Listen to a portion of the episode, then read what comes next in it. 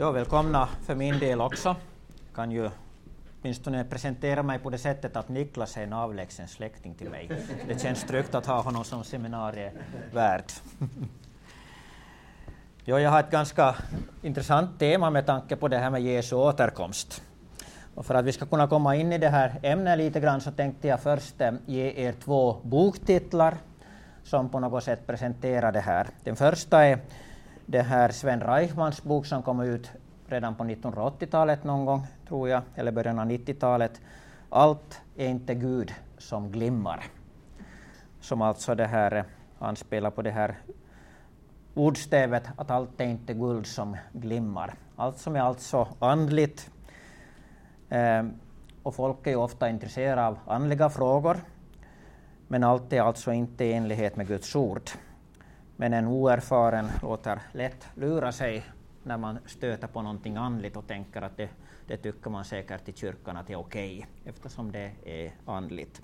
Men allt är alltså inte Gud som glimmar. Den andra boktiteln är en finsk bok som kom ut här under det här årtusendet, skriven av Teologiska institutets forskare, eh, Timo Eskola, docent. Och, och det här, eh, boken heter Sudet sarnatuolissa, det vill säga vargar i predikstolarna. För i predikstolarna så förväntar vi oss att där ska den gode herden tala och undervisa oss i Guds ord. Om någon har på sig en prästskjorta som jag, eller är iklädd alba och ståla, eller i biskopskrud, så är det mycket lätt hänt att man tänker tänker ganska snabbt att, att då är allting som, det, som sägs sanning, så då kan vi, kan vi vara lugna och trygga. Men Eskola visar i den här boken att så är inte fallet i dagens Finlands evangelisk-lutherska kyrka. Och det, här, det visar han med exempel från vår egen tid. Han visar att att ofta kan det i predikstolarna finnas vargar som är klädda i, alltså i fårakläder, i biskopskåpa, ståla eller alva. Vi ska ta ett bibelord från ett avsnitt i Apostlagärningarna 5. Jag hoppas det är okej okay att jag sitter. Jag tänkte jag gör som Jesus gör, han satte sig ner för att undervisa. Det här, eh, här får vi i Apostlagärningarna 5 ett eh, konkret exempel på hur man i eh, judendomen faktiskt försökte utröna hur, eh, vad är från Gud och vad är inte från Gud. Apostlagärningarna 5.34-39. Eh, där har apostlarna Petrus och Johannes gjort ett stort tecken och under och predikat om Jesus, trots att de har blivit förbjudna till det. De har gripits av rådsmedlemmarna som nu vill döda dem men då träder en laglärd Gamaliel fram och han lyfter fram en viktig princip i hur man bör bedöma till exempel en andlig rörelse som drar folk till sig. Problemet som de alltså står inför är det här. Ska man anse att Jesu efterföljare är en villolära eller är den från Gud? Rådsmedlemmarna har redan på sätt och vis fällt en dom. Man har ju redan avrättat Jesus och man har förbjudit apostlarna i, i att undervisa i Jesu namn. Men Gamaliel, en aktad man, dessutom Paulus lärare, tar till orda och kommer att genom det råd han ger rädda apostlarna denna gång. Han påminner rådsmedlemmarna om tidigare gestalter som fått många anhängare i judarnas historia, men som nu är borta. Trots att de till en början fick många anhängare, de här rörelserna, så rann de så småningom ut i sanden. Och hans råd är det här. Håll er borta från dessa män och låt dem gå. Ty om detta skulle vara ett påhitt eller ett verk av människor, då kommer det att rinna ut i sanden. Men om det är av Gud kan ni inte slå ner dem.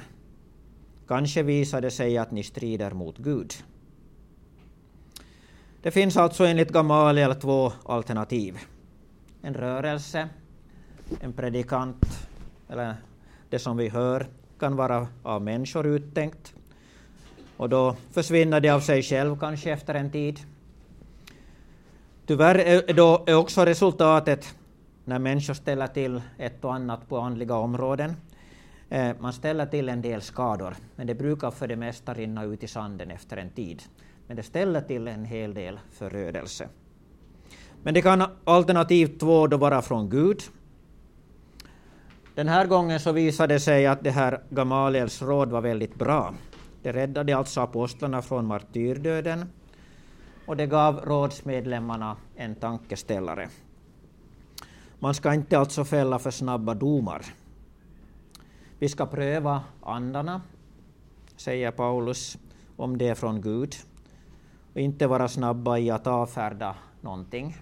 Vi ska inte heller godta allt så där bara därför att det råkar vara andligt. Två alternativ ger alltså Gamaliel. Jag skulle vilja tillägga ett tredje alternativ som vi har av aposteln Paulus.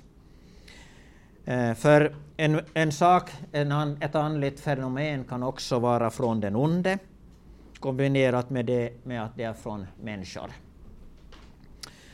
Paulus säger i första Timoteus brev 4. Anden säger tydligt att i de sista tiderna kommer några att avfalla från tron och följa villoandar och onda andars läror, förledda av hycklande lögnare som är brännmärkta i sina samveten. Som församling så måste vi alltså räkna med att någonting kan vara från Gud. Gud sänder en väckelse, en förnyelse som, som är av honom själv. Det kan vara från människor eller kombinerat med att, att det är från människor men samtidigt så står den onde bakom den. Det som är från människor rinner ofta ut i sanden men ställer till med en hel del förödelse för många människor och kan förstöra mycket för, för de som på något sätt dras med i rörelsen och sen märker de att det var kanske inte så bra det här, sist och slutligen. Men genom allt det här när, när, när är, den onde ofta verksam. Och i allt det här som sker så försöker han alltid göra det som han är så skicklig på, nämligen stjäla, slakta och förgöra. Och han är alltid eh, i verksamhet.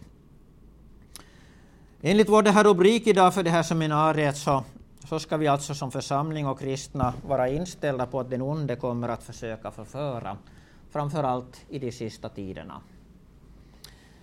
Och vi fick höra i bibelstudiet i morse, när vi fick höra inledningen av Jesu eskatologiska tal där i Matteus 24, som också finns återgivet i Markus 13 och i Lukas 21, så börjar Jesus de här talen om de yttersta tiderna med att just säga det här att innan han börjar tala om de här tidens tecknen, hur vi ska känna igen det här att tiden närmar sig, så säger han i alla de här sammanhangen, det första han säger, se till att ingen bedrar er. Eller se till att ni inte blir vilseledda.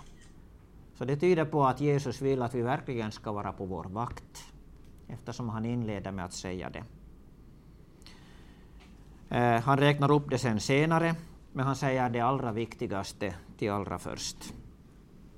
Och det leder, det leder alltså även till att att om vi inte är redo, det vill säga om vi inte är redo för att Jesus ska komma tillbaka, då kan vi ju inte heller tyda tecknen rätt när de uppenbarar sig. Och då är vi också ganska lätta byten för den onde att dra oss med i någonting som vi inte borde dras med i. Om väktaren inte är på sin vakt utan sover, då är det ingen konst för fienden att överrumpla. Som en genomgående trend kunde vi dock säga så här att om vi nu försöker analysera eh, det som har hänt under historiens gång så kan vi säga så här att, att när det kommer olika typer av sekter som ju har kommit en hel del under århundradenas lopp till exempel sådana som Jehovas vittnen eller mormoner eller någon annan. Eh, genomgående kan vi säga att, att sekter har lättare att attrahera människor som vi, kunde, som vi kanske kunde kalla för namnkristna. Det vill säga eh, människor som kanske anser sig vara kristna men som inte är så aktiva och som inte har så väldigt mycket kunskap i Guds ord.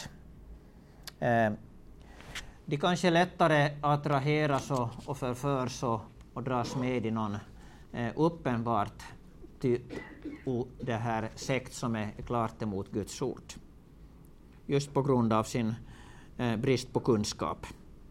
Medan vi som är kanske aktiva kristna och har, en, har mera kunskap, eh, vi kanske inte dras med i en, i en uppenbart vil, vilseförande sekt lika lätt. Men vi kanske faller för någonting annat istället. I bergspredikan talar Jesus om sådana här saker i Matteus eh, 7. Akta er för de falska profeterna. De kommer till er i fårakläder, men i sitt inre är de rovlystna vargar. På deras frukt ska ni känna igen dem, säger Jesus. Och lite senare, några verser senare, så säger han en annan sak som jag tror att angår oss. Många ska säga till mig på den dagen, Herre, Herre, har vi inte profeterat med ditt namn och drivit ut onda andar med ditt namn och gjort många kraftgärningar med ditt namn? Men då ska jag säga dem sanningen. Jag har aldrig känt er. Gå bort ifrån mig, ni förbrytare. Det som är tydligt här att de falska profeterna, och nu ska vi inte då tänka att en falsk profet nödvändigtvis alltså är en som kallar sig profet, utan det kan alltså vara en förkunnare, det kan vara en präst, det kan vara en biskop, det kan vara en predikant i en väckelserörelse, eller något motsvarande. Det är så vi ska tänka.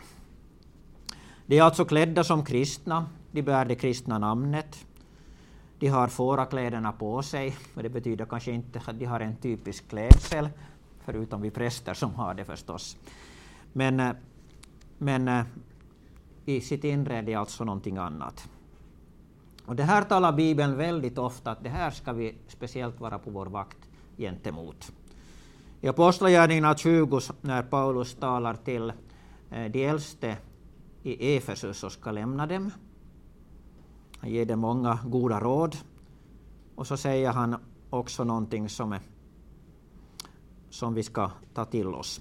Jag vet att när jag har lämnat er ska rovlystna vargar komma in bland er och de ska inte skona jorden. Ja, ur, egen, ur er egen krets ska män träda fram och förvränga sanningen för att dra lärjungarna över på sin sida. Håll er därför vakna.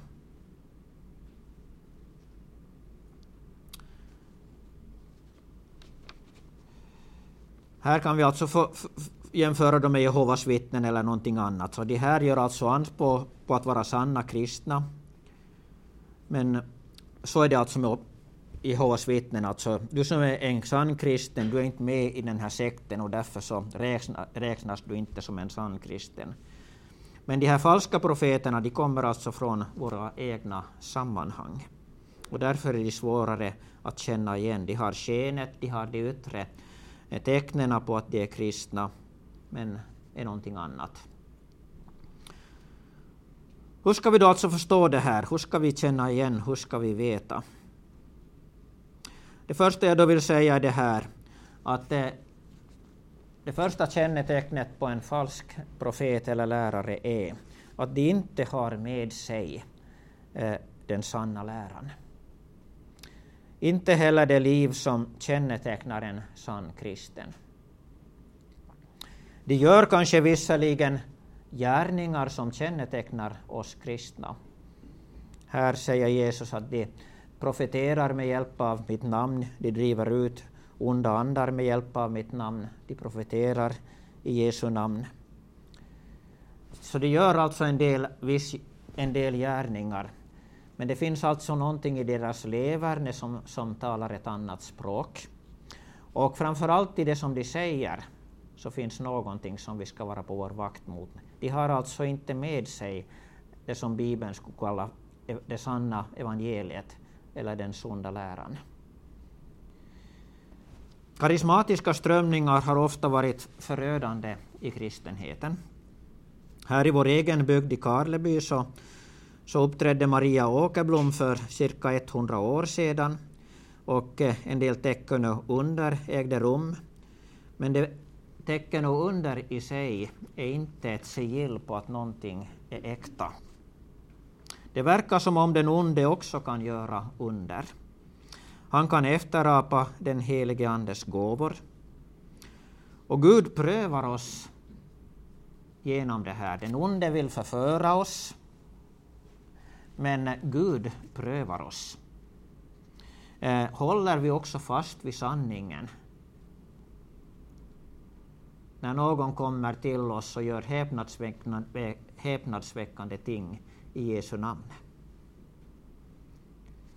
Håller vi fast vid sanningarna om Gud, om Jesus, eller tonar vi ner dem i hänförelsen över att det verkar hända någonting spännande i kristenheten?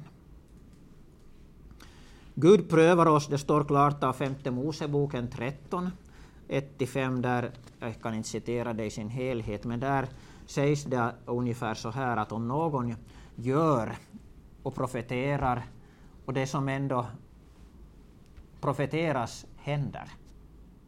Men ändå den som säger det säger att vi också, också ska följa avgudar, andra gudar. Då ska vi ta avstånd från den profeten, sägs det i femte Mosebok. Så fastän den profeteren, så att säga, profeten profeterar rätt om framtiden, men, men, men samtidigt säger att man ska följa andra, andra gudar, då prövar Gud oss genom det här och vill att, att han, vi som hans folk ska ta avstånd från den profeten. Femte Moseboken 13, de första verserna. Så karismatiska personer kan vara ett av, verkar vara ett av den ondes förförelsekonster i, den on, i ändens tid. Och därför ska vi vara på vår vakt. Vi ska ta avstånd från det som är fel men vi ska inte ta avstånd från det som är rätt förstås. Och jag är själv har varit ordförande för oasrörelsen i Svenskfinland som gärna betonar den helige Andes gåvor. Men jag vill ändå säga det här, fastän jag själv gärna ber om den helige Andes gåvor och, och gärna vill att de ska vara i bruk. Så jag tar inte avstånd från eh, felaktig eller rätt karismatisk karismatik. Vi ska tänka på det här att vara en väktare. Det var det som Jesus säger, var på er vakt. Om vi tänker på, på en väktare och, och tänker på sådana städer som det fanns förr i världen på Bibelns tid, så var det ju så att säga muromgärdade eh, städer som, som stängdes, murarna till natten, dörrarna till natten. Och så fanns det väktare som skulle stå på murarna. Och om väktaren såg att det fanns fiender som var på väg mot staden i ont uppsåt så var det väktarens uppgift att, att varna dem som var inne i staden för att nu var någonting på gång. Väktaren skulle alltså inte sova. Eh, det som kännetecknar väktaren är alltså det här att, att han vaktar över någonting som är mycket värdefullt. Inne i staden finns sånt som väktaren uppskattar och älskar och betyder, det betyder mycket för honom. Där finns kära personer som han älskar och står i, i, i förbindelse med. Eh, där finns allt som, som kännetecknar tryggheten och, och, och ett gott samhälle och, och, och någonting fint. Därför så står han på vakt just där staden finns. Han står inte någonstans ute i ödemarken på vakt. Eh, det här är en bra, bra bild för oss i församlingen eh, hur vi ska se på, på vår uppgift. Staden kan du säga att det, det är församlingen, kära människor som, som vi står i förbund med, bröder och systrar i Jesus Kristus. Eh, församlingen kallas ju också för Sion, det vill säga för det nya Jerusalem. Dessutom har vi någonting som, som, som kännetecknar oss kristna. Eh, det är ju det som har fört oss samman, nämligen en gemensam tro som vi har fått, från, fått av, av Jesus och apostlarna. Det är det som vi ska hålla fast vid. Det är det som vi inte ska ge upp.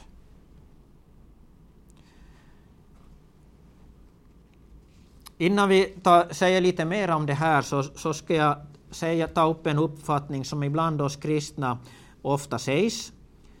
Och jag har hört det många gånger sägas i andakter och, och vittnesbörd. Och så som alla goda sanningar så finns det alltid en sanning i, i det som ibland sägs. Men om man upprepar en, en sanning som inte är hela sanningen, allt för ofta, eh, så blir det, kan det tendera att bli fel. Och jag har hört, hört många människor säga så här, både radioandakter och andakter och så vidare, och, och det är delvis sant, men det är bara en del av sanningen. Man säger så här, den kristna tron handlar inte om dogmer och läror, utan det handlar ju om liv. Har ni hört det sägas någon gång? Och visst ligger det en sanning i det. Vi ska leva tillsammans med Jesus. Och ingen av oss har, har kanske full koll på alla dogmer i våra liv. Vi kanske inte tänker, har full förståelse på alla punkter. Men ändå så är det här inte sant. För den kristna tron handlar verkligen om dogmer och läror också. Och eh, för det är omöjligt för oss att, att vandra tillsammans med Jesus i ett rätt liv om vi inte förstår och tänker någorlunda rätt om vem Gud är och vem Jesus är och vad frälsningen är och vad Guds ord lär oss. För de kristna lärorna säger någonting viktigt om Gud, vem han är och hurudan han är. Och så därför så, om du någon gång tänker och har tänkt så här att den kristna tron handlar inte om läror, så ska du nog tänka lite grann om, tror jag. Du ska vara intresserad av de kristna lärorna. Du ska gärna lära dig mera om vem Gud är. Du ska lära dig mera om sanningen. För Jesus Kristus är sanningen. Han är inte bara livet. Och Guds ord är sanning. Och därför talar man också i, i, i Hebreer bland annat om att det som man lär ut är de första grunderna i den kristna tron som vi ska hålla fast vid. Nåja, vi ska tala lite mer om det här. I Judasbrevet så sägs det så här. Judas eh, ville gärna skriva ett brev till, de, till kristna. Han ville gärna berätta om det underbara evangeliet som han älskade. Men så säger han ändå där i början, i vers 3. Jag finner det nödvändigt att skriva till er och uppmana er att fortsätta kämpa för den tro som en gång för alla har överlämnats åt de heliga. Eh, det finns alltså någonting som har, eh, är värt att kämpa för och som har överlämnats åt oss som kristna. Och det ska vi hålla fast vid. Det ska vi lära känna bättre och bättre. För när vi lär känna de här kristna kärnsanningarna, vem Gud är och Jesus är och vad Guds ord lär oss, då blir vi inte så lätt förförda. Egentligen så enkelt är det, om vi tänker efter. Ju bättre du lär känna sanningen och älskar sanningen, desto lättare har du, har du att känna igen det som inte är sanning. Uppenbarelseboken 3, vers 3 till en av de här, i de, en av församlingarna, sju sändebrevsförsamlingarna, så säger Jesus om du inte håller dig vaken ska jag komma som en tjuv. Alltså Jesu återkomst. Och du ska inte veta vilken stund jag kommer över dig. Och lite senare, samma kapitel. Kom därför ihåg vad du har tagit emot och hört och håll fast vid det och vänd om. Det är vår uppgift. Så, nu ska jag säga någonting om både livet och om lärorna. De första kristnas trosbekännelse lydde så här. Jesus Kristus är Herren. Eh, de första kristna trodde nog på mera förstås än det här. De trodde precis som judarna på att Gud har skapat världen, att det finns bara en enda Gud och så vidare. Att han har talat till Moses och gett oss lagen.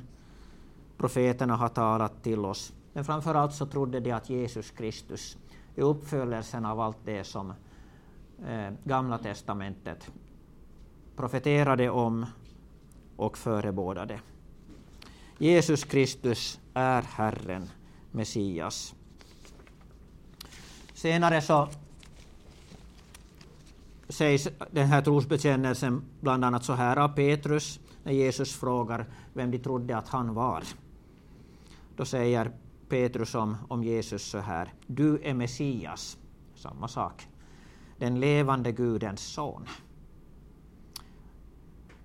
Och i Johannes 6 säger Petrus också, Herre, till vem skulle vi gå? Du har det eviga livets ord. Och vi tror och förstår att du är Guds helige. Så här så får vi det helt klart för oss att Petrus och apostlarna trodde på något alldeles bestämt om Jesus. Det här lärde de ut när Jesus hade stigit upp till himlen. Och församlingen i Jerusalem, urförsamlingen, om dem så står det i Apostlagärningarna 2, någonting väldigt väsentligt. De höll fast vid apostlarnas undervisning. När de, när de människor som kom till tro i Jerusalem efter Petrus predikan frågade vad ska vi tro på? Jesus är ju inte hos oss mera. Vad ska vi tro på? Hur ska vi lära känna Jesu lära? Vad lärde Jesus? Det hade jag kanske aldrig hört Jesus tala. Ja, men vi har ju ändå Jesu efterföljare bland oss. Vi har ju apostlarna här. Och de vet vad Jesus har sagt. Och så frågade apostlarna, vad har Jesus sagt? Och så höll de fast vid det som apostlarna gav församlingen. Så vi är alltså inte hänvisade till att uppfinna hjulet på nytt, utan det är oss givet från begynnelsen, från urkyrkan. Och därför så talar man i de första kristna om, om trons regel, som man lärde ut åt de som ville bli kristna. Man lärde dem de kristna grundsanningarna. Vem Gud är, vem Jesus är, vem den helige Ande är och så vidare, vad kyrkan är vad vi har för hopp som kristna. Och för oss så är det här alltså sammanfattat i våra trosbekännelser. Dels i den apostoliska trosbekännelsen, som vi bekänner väl vid de flesta högmässor runt om i vår kyrka. Och i den isenska trosbekännelsen, den som vi kanske inte använder lika ofta, men som också är väldigt dyrbar för oss. Eh, för, när, för ibland så kan det ju vara så där eh, för oss att vi tycker att den här boken, Bibeln, men den är ju så tjock. Hur ska vi kunna få grepp om allt det som Bibeln säger? Hur ska vi kunna lära oss att hålla fast vid det som är Bibeln lär oss, så att vi inte kommer helt vilse? För den onde är ju också en bra på att citera, citera Bibeln. Och det kan många göra, när man kan citera Bibeln och förstå och, och, och, och det här, eh, ta fram sanningar som, som kanske ändå leder fel därifrån. Så därför så har, har man i urkyrkan gett oss eh, trosbekännelserna. Och eh, för mig så har de här trosbekännelserna blivit mer och mer dyrbara ju äldre, äldre jag har blivit. Luther han lärde oss eh, att, en, eh, eh, att vi som kristna dagligen så ska vi be Herrens bön Fader vår, och vi ska inte hossa igenom den. Läs den grundligt och med eftertanke. Be den ordentligt. Och eh, Luther menar också att, att, att det här Börja din dag med att bekänna vem du tror på. Läs trosbekännelsen högt för dig själv och lär dig att få, tänka på vad betyder de där grejerna som vi säger om Gud och vem Jesus. Och när du gör det då kommer du att märka att det här är ju verkligen bra. Det här är verkligen bra.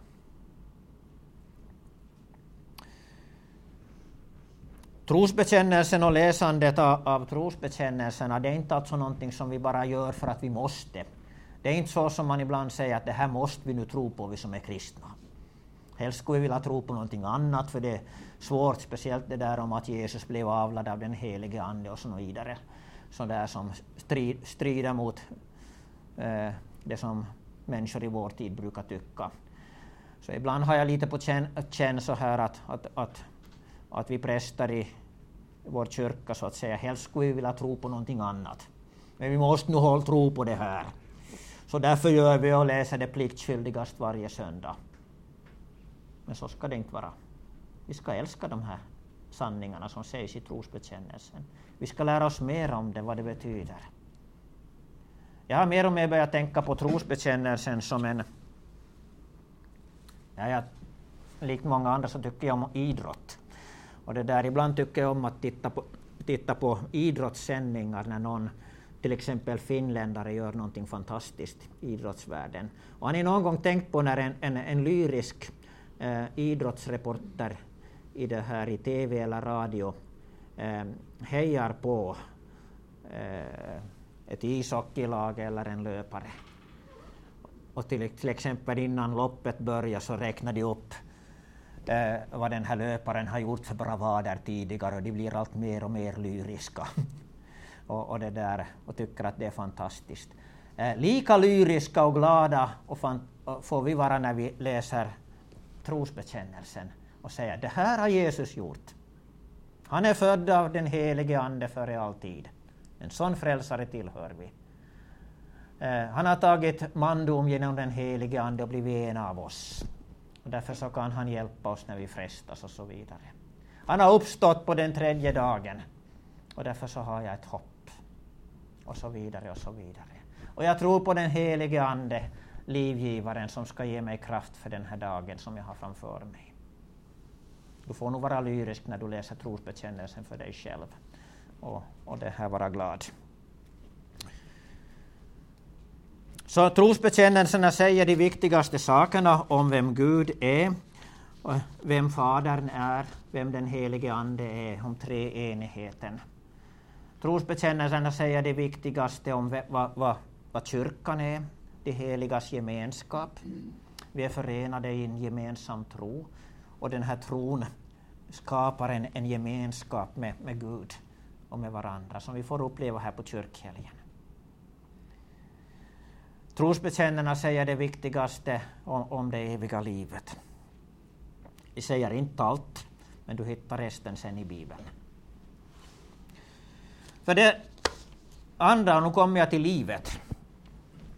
Om vi nu tänker på läran, så, så det, det andra har, har då med livet att göra. Och då kommer vi in på budens plats i församlingens och den kristna människans liv.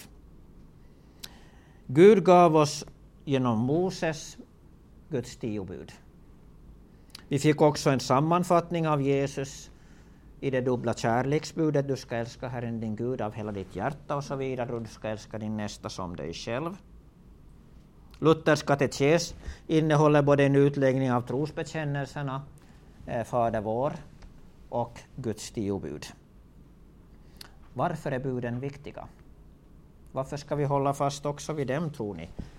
Jesus sa ju när han gick ifrån oss, håll fast, lär dem att hålla allt vad jag har befallt er.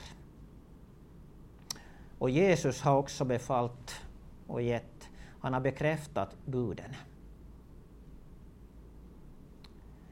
Alla Guds tio bud är kommenterade av Jesus på något sätt i bergspredikan och på olika ställen. Därför håller vi fast vid Guds tio bud. Just därför att Jesus har lärt oss att hålla fast vid dem. Och här blir det alltså aktuellt med vår vandring, med vårt liv som kristen. Om vi nu tänker på det här, det här som någon sa, att, att den kristna tro, tron handlar inte bara om läror, utan det är liv. Så alltså är det fråga om ett liv där vi lever i enlighet med Guds vilja. Och då kommer buden in. Det finns alltså en speciell kristen livsstil. Och det betyder inte en speciell frisyr eller speciella kläder, utan det finns en speciell livsstil. Om ni lägger märke till, la märke till när jag läste här inledningsvis om de här falska profeterna, så, så sades det om dem på ett ställe att de var brännmärkta i sina samveten. Brännmärkta i sina samveten. Eh, hur ska vi förstå det här? Man brukar ibland säga så här att, att en människas liv, alltså en människas etos, eh, sätt han eller hon lever, det som han eller hon värdesätter när det gäller moral. Eh, och det som man lär. Det som man lär står i samman, sam, eh, samband med det som man, på det sätt man lever. Och har man så att säga som kristen eller som förkunnare börja leva i synd, det vill säga bryta mot Guds bud och börja tillåta sig att göra fel, så kommer det så småningom att inverka på allt annat man lär också. För då hittar man på olika försvar för sitt sätt att leva för att inte behöva omvända sig. Och jag tror att vi har också fått se att det ofta har det varit så att många villoläror så att säga, det har kommit fram sen att det har funnits synder i bakgrunden. Så det handlar alltså om hur ett kristet liv bör ta sig uttryck. Paulus behandlar det här till exempel i Romarbrevets sjätte kapitel, där han talar om att vi blir frälsta av nåd, vi blir rättfärdiggjorda av tro alena utan laggärningar, tack och lov, så är det. Men sen när han förklarar det här så möter han en invändning, bemöter han en invändning som han svarar, besvarar på följande sätt. Vad ska vi säga?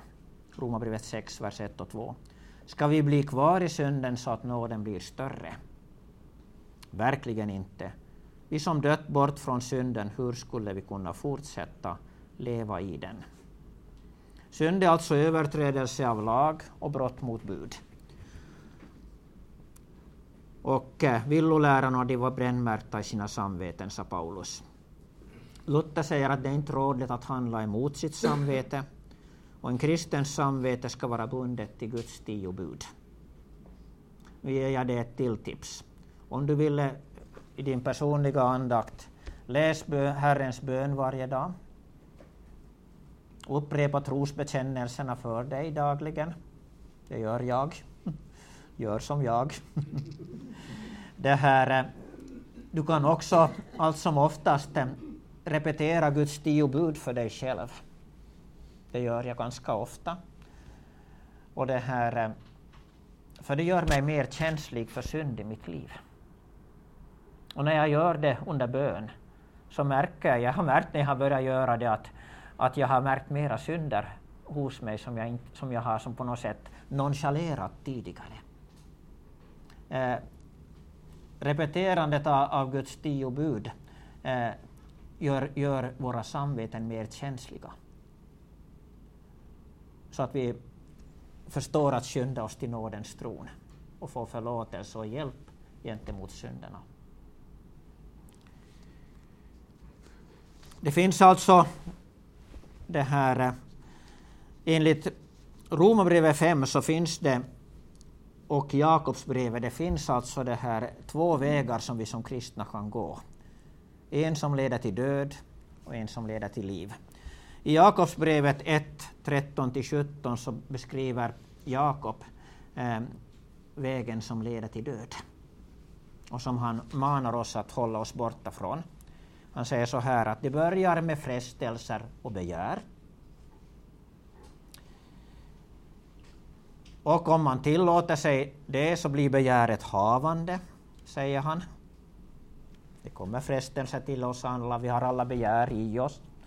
Nionde och tionde begär, budet, du ska inte ha begär. Frestelser, och så blir begäret havande, och det föder synd, det vill säga konkret synd i gärning. Om man tillåter sig att fortsätta gå den vägen så leder det till sist till död, i värsta fall andlig död. Och tyvärr så finns det människor som kristna som har gått den vägen.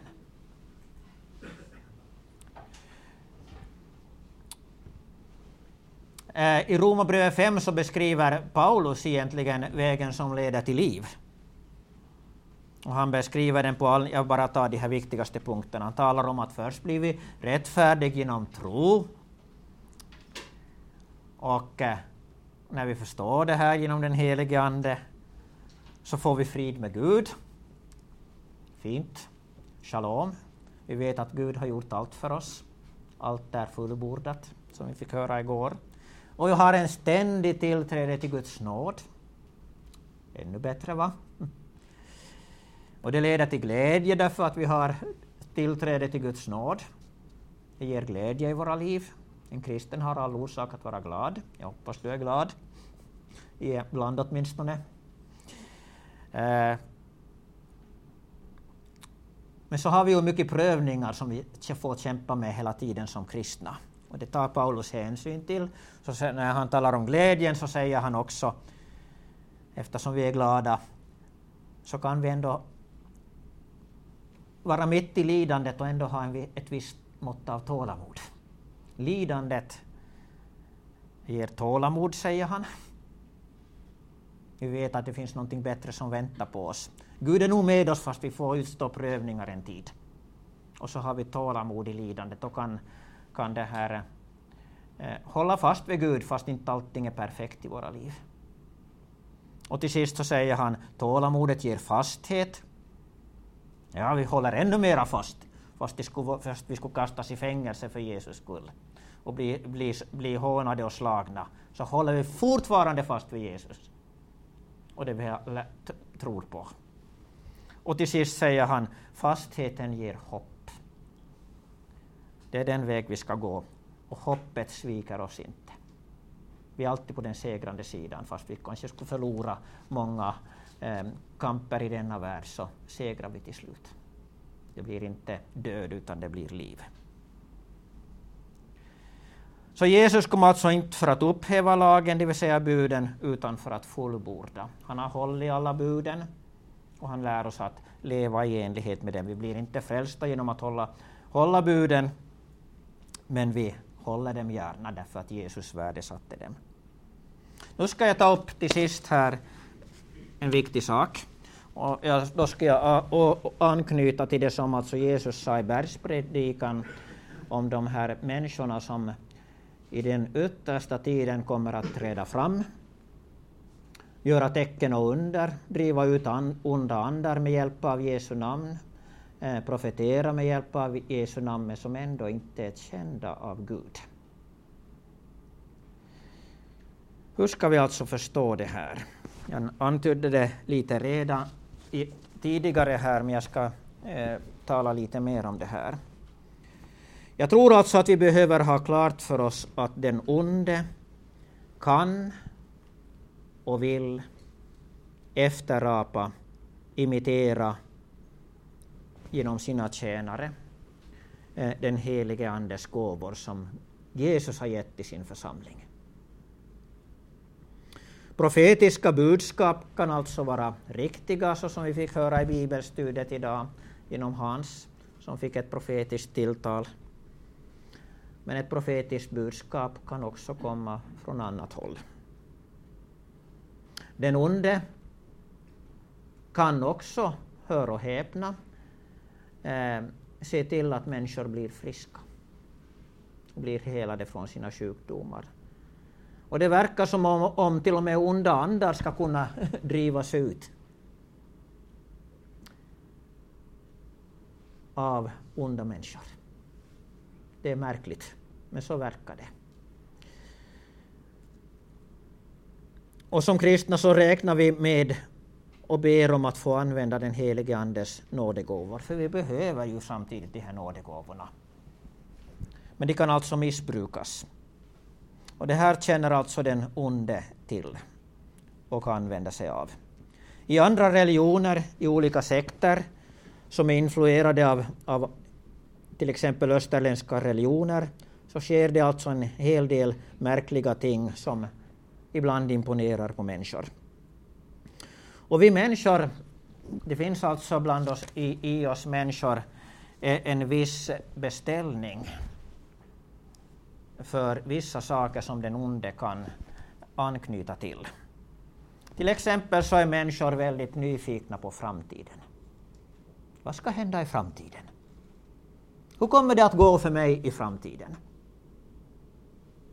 Man kanske vill bli spådd i handen. Eh, man vill gärna eh, höra någonting om framtiden.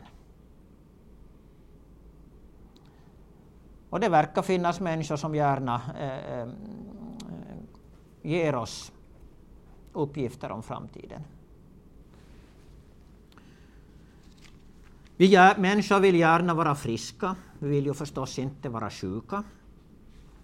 Och eftersom inte vår sjukvård är allsmäktig som Gud vår fader är och kan bota alla när vi far till sjukhuset så finns det förstås en beställning också på att vi söker oss till, till sådana som gör anspråk på att kunna ge oss hälsa på andra vägar. Och eh, i andra ny, nyandliga rörelser så finns det människor som, som gärna också anknyter till vårt behov av att vi skulle vilja ha frid och balans i våra liv. Eftersom vår värld är så stressad och det är så jobbigt att leva så behöver vi eh, ha frid i våra själar. Och det finns otaliga rörelser som erbjuder dig frid. Och vi oroar oss för det eh, än det ena och än det andra, trots att Jesus Kristus har sagt att vi som kristna inte ska behöva oroa oss.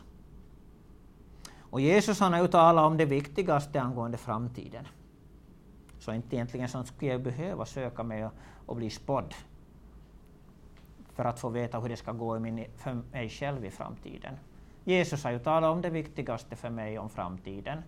Och han har sagt att han går med mig alla dagar till tidens slut, fast jag inte vet vad som kommer att hända nästa vecka. Om Gud vill tala om för mig vad som ska ske i nästa vecka i mitt liv så kan han nog göra det om han vill. Men inte behöver jag veta det. För jag är trygg idag med Jesus. Det här tror jag är bakgrunden till att, att, eh, att det i församlingarna kommer att finnas eh, olika typer av rörelser och människor som gör märkliga ting. Men deras bakgrund finns kanske mera i, i de här nyandliga rörelserna och det är influerade av dem.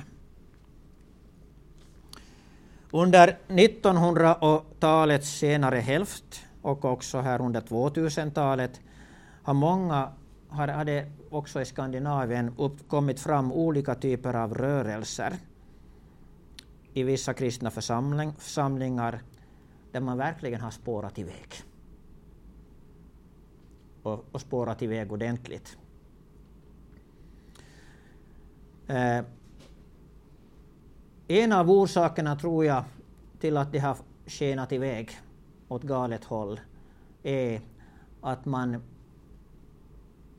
man i församlingarna inte har förstått att skilja på, på både den helige Andes äkta nådegåvor och människor så att säga som har förmågor men vars ursprung finns i de här nyandliga rörelserna. Därför har det, många av de här sekterna eller rörelserna så har det kommit in människor som har, har, har, har på något sätt blivit kristna, börjat tro på Jesus, men som inte hade till exempel gjort upp med, med, med sina mediala kunskaper och färdigheter som de har haft med sig tidigare. Vad är medialitet, undrar du säkert.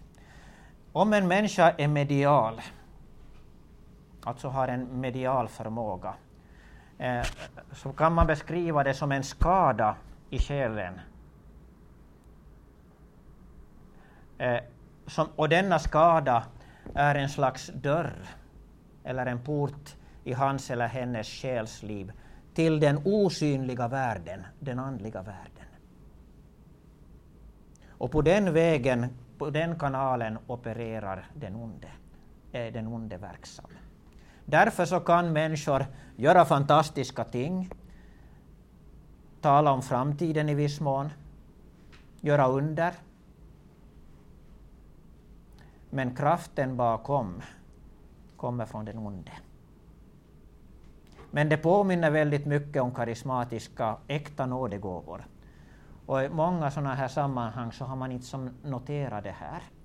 Och därför så har det gått totalt galet.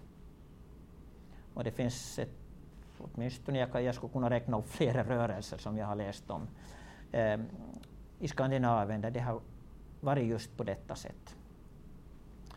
Så det är viktigt att vi är på vår vakt. Jesus, Guds ord förmanar oss att vara på vakt, vår vakt mot allt som har med okulta grejer att göra.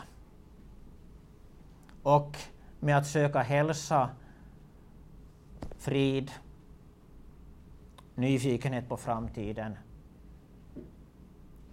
Eh, till exempel genom någonting av, av dylika fenomen. Och det finns många metod, metodiker som alla på något sätt anknyter till nyandlighet och medialitet.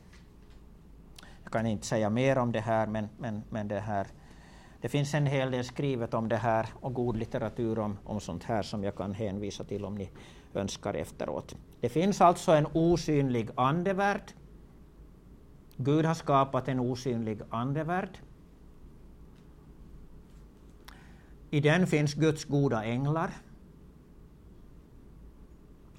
Och i den finns också djävulen och hans änglar. Men vi människor, du och jag, vi är inte skapta till att leva i den osynliga andevärlden.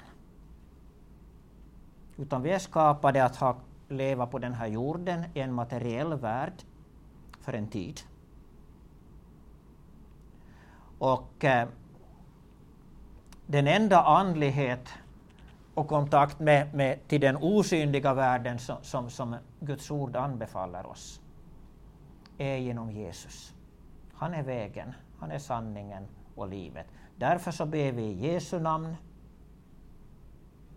Vi söker inte kontakt med den, eh, aktivt med den, det som finns i den andliga världen, till exempel med döda eller någonting sånt. Utan vi ber bara i Jesu namn. Och så får Gud så att säga från sin sida ta kontakt med oss och tala till oss genom Guds ord som finns i den här världen. Fastän det finns Guds goda änglar, som vi vet att Gud använder sig av, så söker vi inte heller kontakt med Guds goda änglar. Vi bara tackar Gud för att de finns. Men Guds ord uppmanar oss inte att söka kontakt med änglar till exempel. Utan vi nöjer oss med att leva i den här världen och är nöjda med det. Så var på vår vakt, det ska vi vara. Eh, den onde är verksam och så som vi fick höra i bibelstudien kommer att vara ännu mer verksam i framtiden. Och, eh, men, men Jesus har talat om allt på förhand för oss. Han har sagt till oss, var på er vakt. Låt er inte bli vilseledda. Håll fast vid Guds ord. Håll fast vid de här grundsanningarna som du har blivit övertygade om. Läs Guds ord. Var intresserad av Bibelns sanningar. Älska dem. Låt dem vara viktiga för dig. Eh, det brukar berättas så här att hur, hur, ska man, eh, hur, hur kan man känna igen falska pengar? Och kunna skilja den från äkta pengar. Det brukar sägas att de som sitter, har varit banktjänstemän eller som har suttit i kassorna, de är duktiga på det här. Varför det? Helt enkelt det att den som har suttit 30 år vid en kassa och hållit många äkta sedlar i sin hand och många äkta mynt i sin hand, vet intuitivt hur det är att hålla en äkta sedel i sin hand eller äkta mynt, ett äkta mynt. Och när en falsk sedel kommer i hans eller hennes hand så är de inte skickliga kanske nödvändigtvis att, att känna igen den falska sedeln. Men de vet hur en äkta sedel är. Och därför så känner de på sig att här är någonting galet när de kanske har en falsk sedel i sin hand. Och på samma sätt tror jag det kan vara eh, för oss när vi, när vi ska försöka bedöma det som sker i vår tid. Ju bättre du lär känna Gud, den enda sanne Guden, älskar honom och håller fast vid honom och han vid dig. Ju bättre du lär känna Jesus och det han står för och Guds ord, då här, där har du allt du behöver. Och då kanske du också märker när någonting är, när du möter någonting som är, är galet. Och då förstår du kanske att hålla, ta dig lite tillvara. Amen. Nu får herr Niklas Kankkonen säga vad vi ska göra